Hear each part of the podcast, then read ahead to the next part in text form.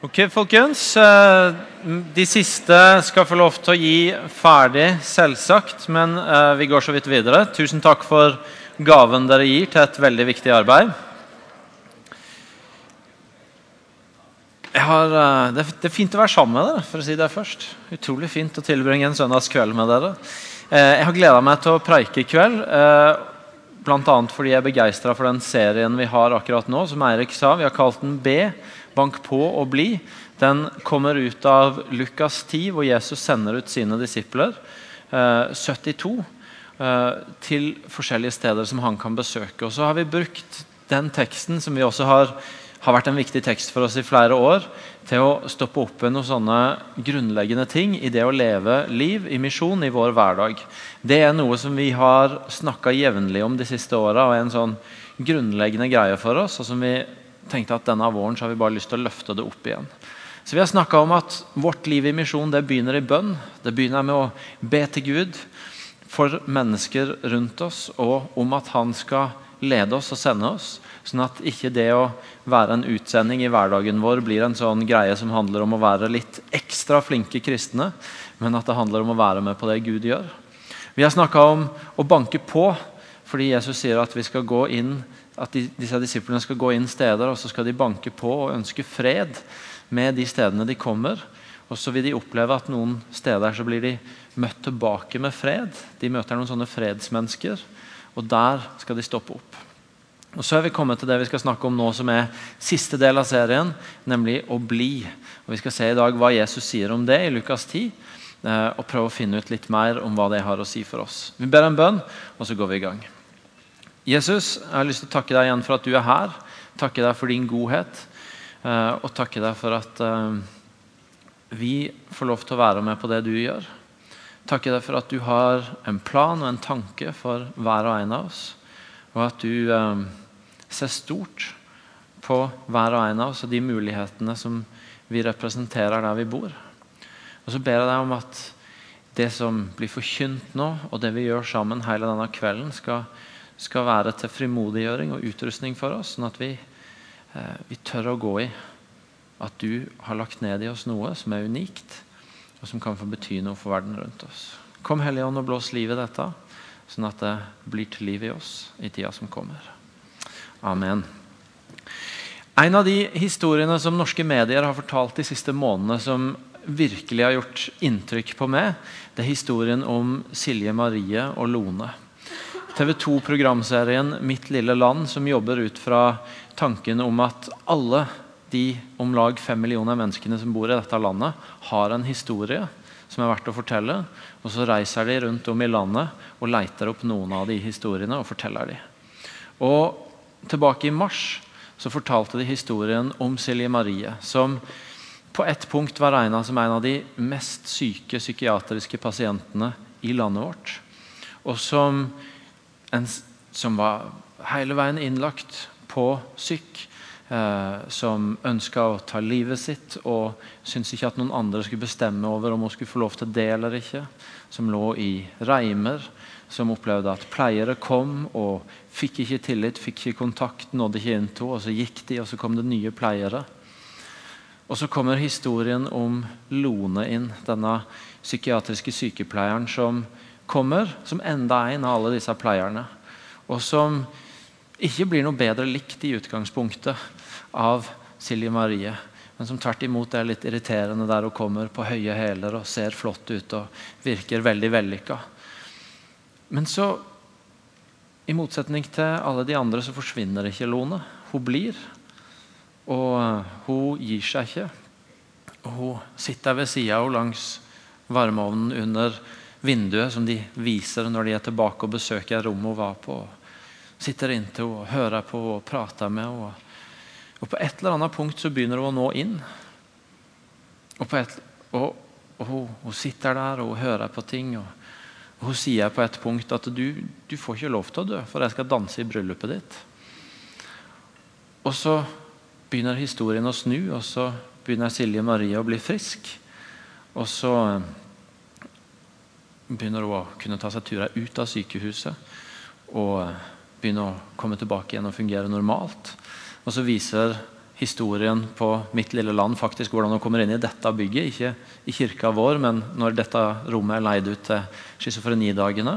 Og sammen med Lone forteller historien om veien tilbake til å bli frisk. Og så slutter hele historien med at Lone og Silje Marie er i brudesalongen og tar ut brudekjolen fordi hun skal gifte seg. Og Lone skal få danse i bryllupet hennes. Når jeg så den historien, så Hvis jeg skulle sagt det sånn som vi sier det hjemme i Tvedestrand, så gaula jeg som en unge.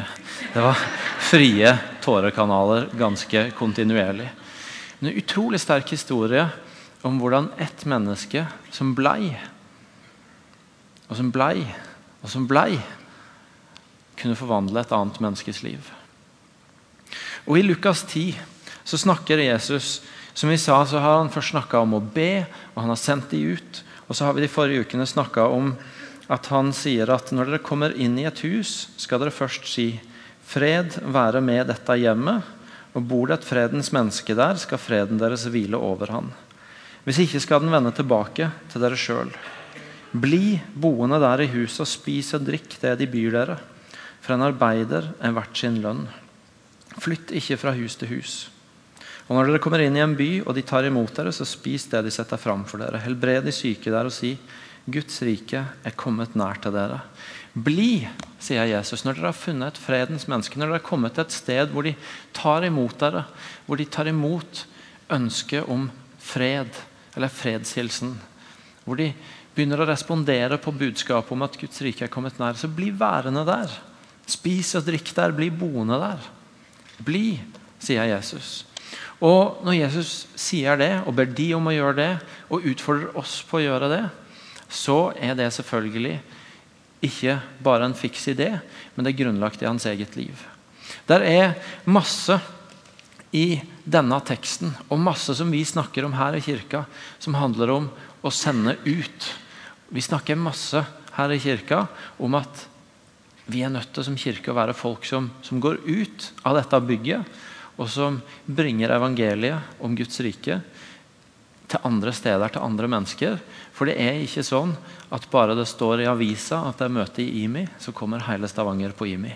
Så vi er nødt til å sendes ut, og sendes ut med evangeliet om Guds rike der folk er.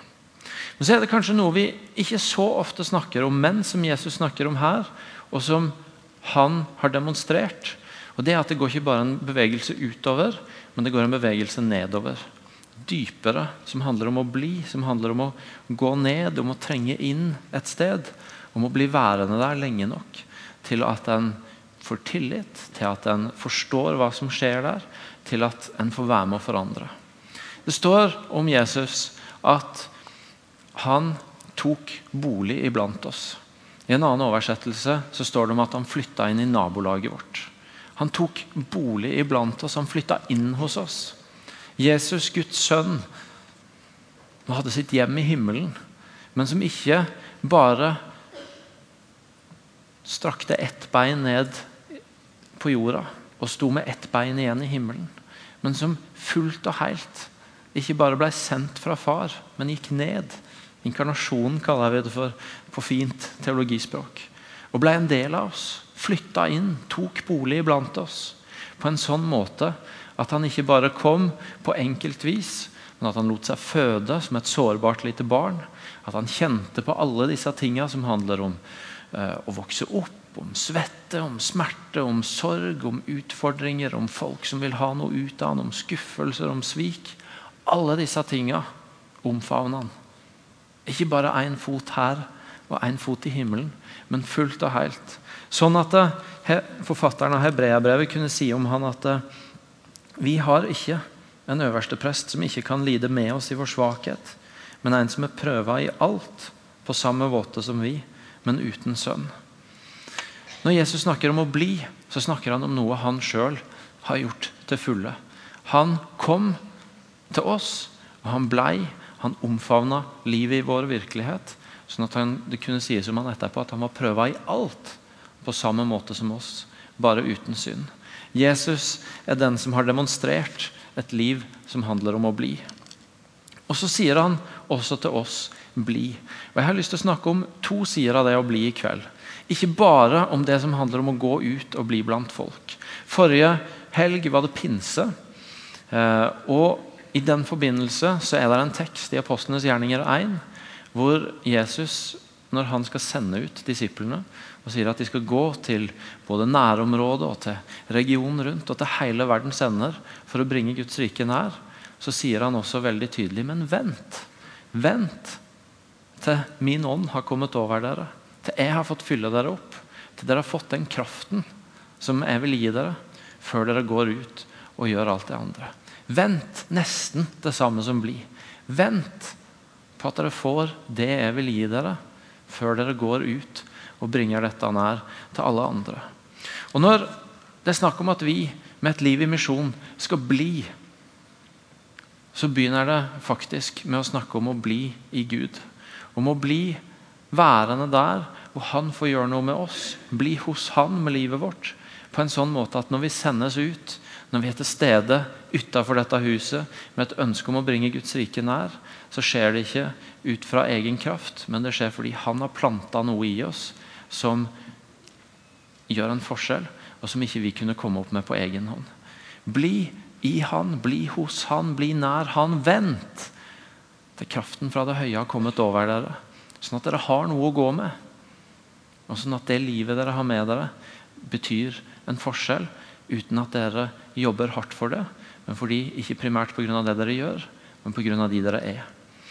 Um, en, historie som, en, en, salme som har gjort masse med meg i det siste, det er Salme 71. David, en av de store heltene i Det gamle testamentet vi møter der. Jeg er utrolig glad i Salmenes bok. Si det som en parentes. Hvis du ikke leser Salmenes bok, så anbefaler jeg deg å gjøre det. Bill Johnson er en utrolig god mann. Han har sagt at hvis du møter ei utfordring, så begynn å lese Salmenes bok, og les til du finner stemmen din i den boka. Les til du finner de orda som setter ord på de bønnene du trenger å be i denne situasjonen. Eh, og Jo mer jeg leser i Salmenes bok, jo rikere er akkurat den boka i å være et sted for å finne mot, håp, ord for bønner i mange av livets ulike situasjoner. Det var den boka Jesus brukte når han ba. Det var Jesu bønnebok. Eh, og det kan med fordel være vår bønnebok. I Salme 71 så møter vi David når han er blitt en gammel mann. David som vi møter andre steder i Det gamle testamentet som han unge krigeren som slår Goliat. Jeg har blitt en gammel mann. Det står i vers 9.: Kast meg ikke bort i alderdommens år. Og han sier i vers 18.: Gud, forlat meg ikke sjøl når jeg blir gammel og grå. Så nå er han blitt en gammel mann. Og så og så snakker han med Gud og ber til Gud med bakgrunn i det lange livet. Et langt liv med Gud. Og så er det noen vers der som har tatt meg, og som jeg har lyst til at vi skal få tak i i dag. Fra vers 5 i Salme 71. Du er mitt håp, min Herre og Gud, min trygghet fra jeg var ung. Gud har vært hans trygghet helt fra han var ung. Fra jeg ble født, har jeg støtta meg til det. Fra mors liv er du min styrke, jeg vil alltid prise deg. Jeg er blitt et tegn til, for mange. Du er min tilflukt og mitt vern. Det er en fantastisk bekjennelse. Helt fra jeg ble født, har jeg støtta meg til deg. Helt fra jeg ble født, har du vært min trygghet, Gud. Fra mors liv så var du min styrke. Du var min trygghet når jeg var ung. Og så står han gammel og grå, som han omtaler seg sjøl som i det andre verset jeg leste og sier at 'jeg er blitt et tegn for mange'. Du er min tilflukt og mitt vern. Han har levd et langt liv med Gud. Han har levd et langt liv hvor han har blitt hos Gud. Hvor han har bevart tilliten til Gud. Og så kan han på slutten av livet si at vet du noe, det livet det ble et tegn for mange. Det livet det fikk bety en forskjell. Fordi helt fra begynnelsen av så har jeg holdt fast ved én ting, og det at Gud er min styrke. David som har vært den ukjente, unge lillebroren, minstebroren, som ikke faren engang syntes det var verdt å invitere inn når det kom en fremmed profet og skulle, skulle se på sønnene hans for å, for å kalle til et stort oppdrag. Så var, så var David ute og gjette, og han var minstemann. og Det var ikke engang verdt å hente han inn, så han måtte spørre spesifikt for. David som var den unge hotshoten som hadde slått Goliat, og som fortsatte å krige og ha suksess. Og folk begynte å synge om han at vet du nå, Saul, kongen, har slått tusener, men han her han har slått titusener. Som virkelig er på toppen av verden. Ung og oppkobling og gjør det så bra. David som har vært den forfulgte, som fordi han gjorde det så bra, ble truende. Og Så jaga Saul han på flukt og ville ta livet av han, og Han fant seg sjøl i ei hule sammen med sine få, mest trofaste menn. Og David som kom seg gjennom alt det og blei kongen, den store kongen som leda landet. David som, når han skriver denne salmen her, antageligvis igjen er trua fordi en av de rundt han har gjort opprør. Og antagelig er posisjonen hans trua. Og så er bekjennelsen at gjennom alt det, gjennom alle de forskjellige fasene i livet, så har han blitt hos Gud. Han har holdt fast ved at Gud er min styrke. Han er mitt håp, han er min trygghet. Enten er anonym og usynlig og ikke betyr så mye for verden rundt, eller er på toppen av verden og hotshoten alle ser, eller er han som er jaga og glemt og litt spedalsk igjen og gjemmer meg i ei hule, eller er kongen, eller er blitt gammel og grå og folk begynner å prøve å se med spisse albuer for å komme seg fram og ta plassen min. Så er bekjennelsen jeg har alltid holdt fast ved det, og jeg er blitt et tegn for mange. Uh, Eugene Peterson, en uh, forfatter som bl.a. har oversatt hele Bibelen i mer moderne språkdrakt, han skriver i en bok om at livet som etterfølger av Jesus handler om lang lydighet i samme retning. Om å gå et langt liv med Jesus i det retninga med han. I ulike faser, i ulike fasonger. Det ser ut på ulike måter, omstendighetene rundt. Men så er det denne lange lydigheten, denne utholdenheten på at selv om de tingene rundt skifter, så holder jeg fast ved han. En annen fyr, E. Stanley Jones, skrev en fantastisk bok om Guds rike. Som han skrev når han var 87 år gammel, på slutten av et langt liv i tjeneste, bl.a. som misjonær. Så skriver han jeg vil heller feile med Jesus enn å lykkes med noen andre. For da feiler jeg i hvert fall i rett retning. Det er utrolig bra sagt. Og det er noe med det der med å bli, i betydningen å bli hos Gud, gjennom hele livet, i alle ulike situasjoner, uansett hva som utfordrer.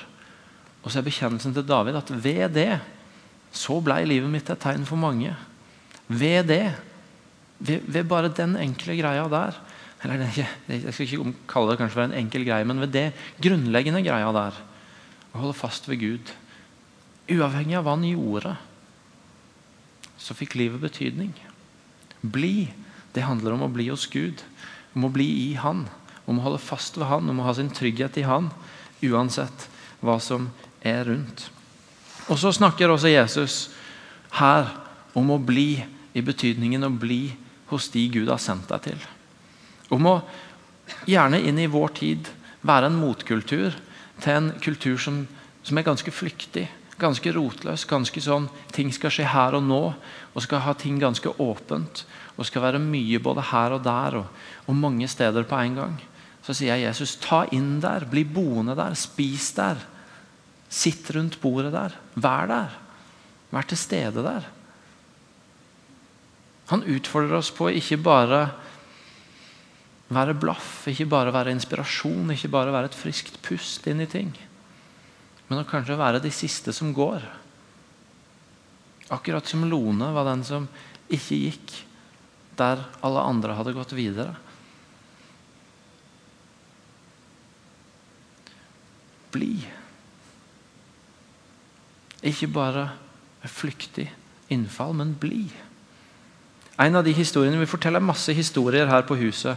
og Noen av de er sånn som vi forteller og feirer der og da. og Noen historier de blir sånne milepæler som forteller oss noe. De minner oss noe om hva det er vi er opptatt av, om hvem vi er, om hvilken reise det er vi er på. og Derfor så forteller vi de mange ganger, for de minner oss om retning.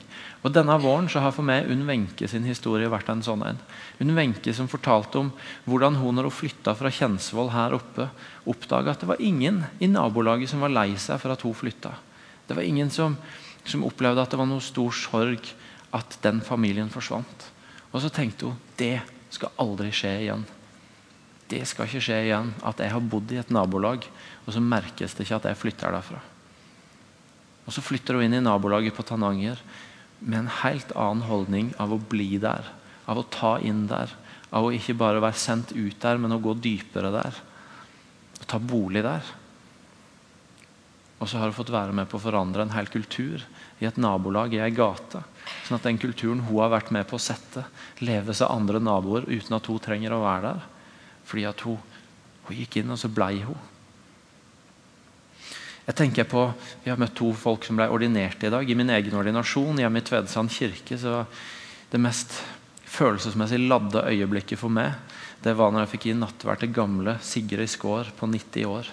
Som i alle år har vært den mest trofaste dama på bedehuset jeg vokste opp på. Og som jeg vet at alltid har bedt for meg, men ikke bare meg, men så mange andre av de menneskene som har vokst opp der. Og for hele storfamilien sin, som alltid var innom hos tante Sigrid og fikk middag eller noe godt. Og så visste de at der var det en trygg base, og der ble de bedt for. Og som jeg alltid visste at hvis jeg traff henne på butikken, så fikk jeg en sjokolade med på kjøpet. Og som bare føltes som ei sånn dame som alltid hadde vært der, og alltid kom til å være der. Så er hun der ikke nå lenger. Nå har hun fått dra hjem til Gud.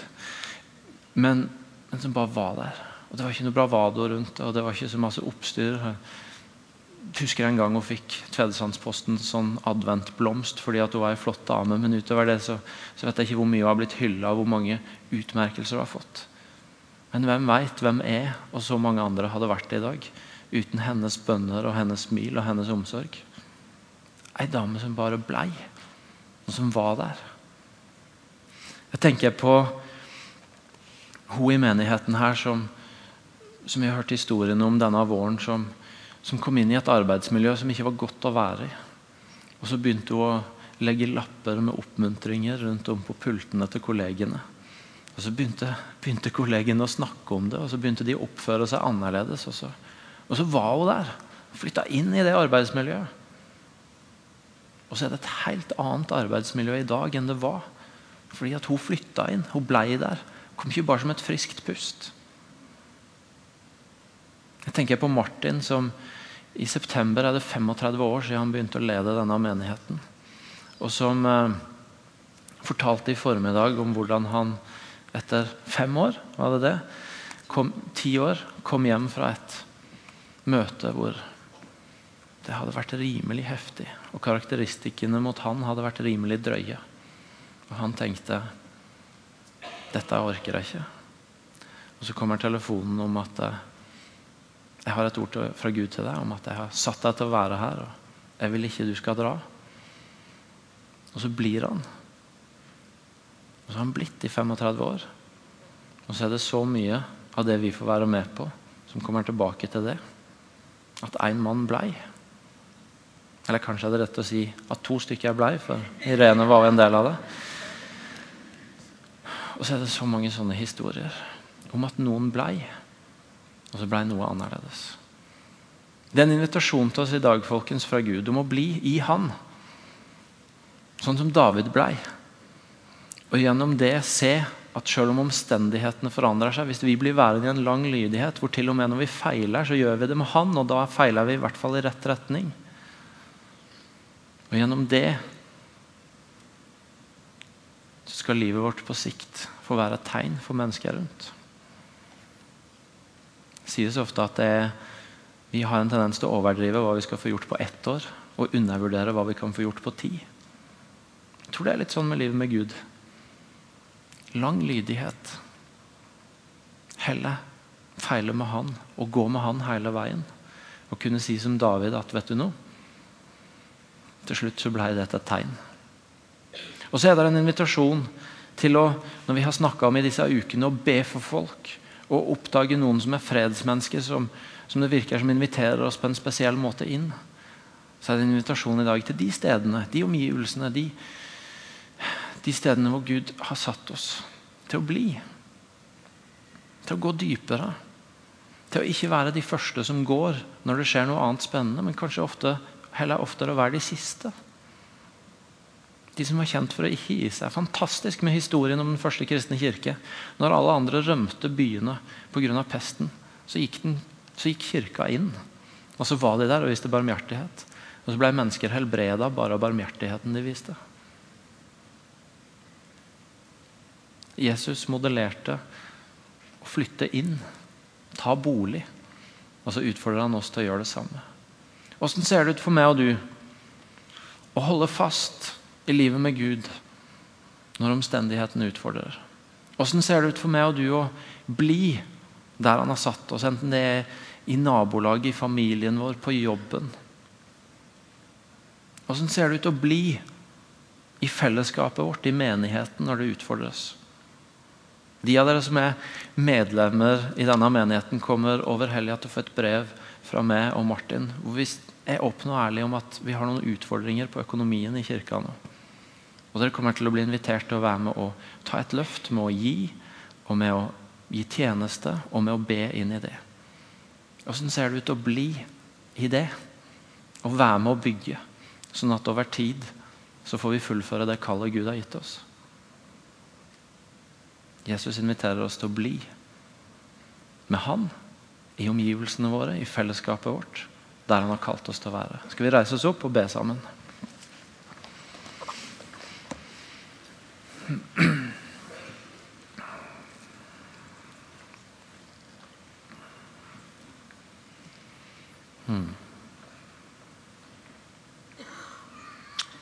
Jesus, takk for at du var den som flytta inn, som tok bolig. som ikke forsvant, men som er den gode hyrde som leiter etter og blir værende og ikke gir opp.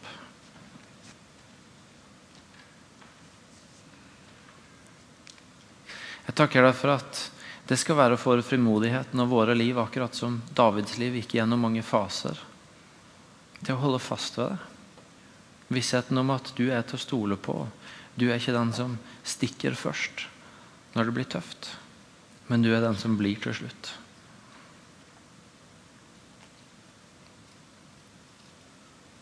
Og så har jeg bare lyst til å be deg nå om at du skal utruste oss og, og sette oss i stand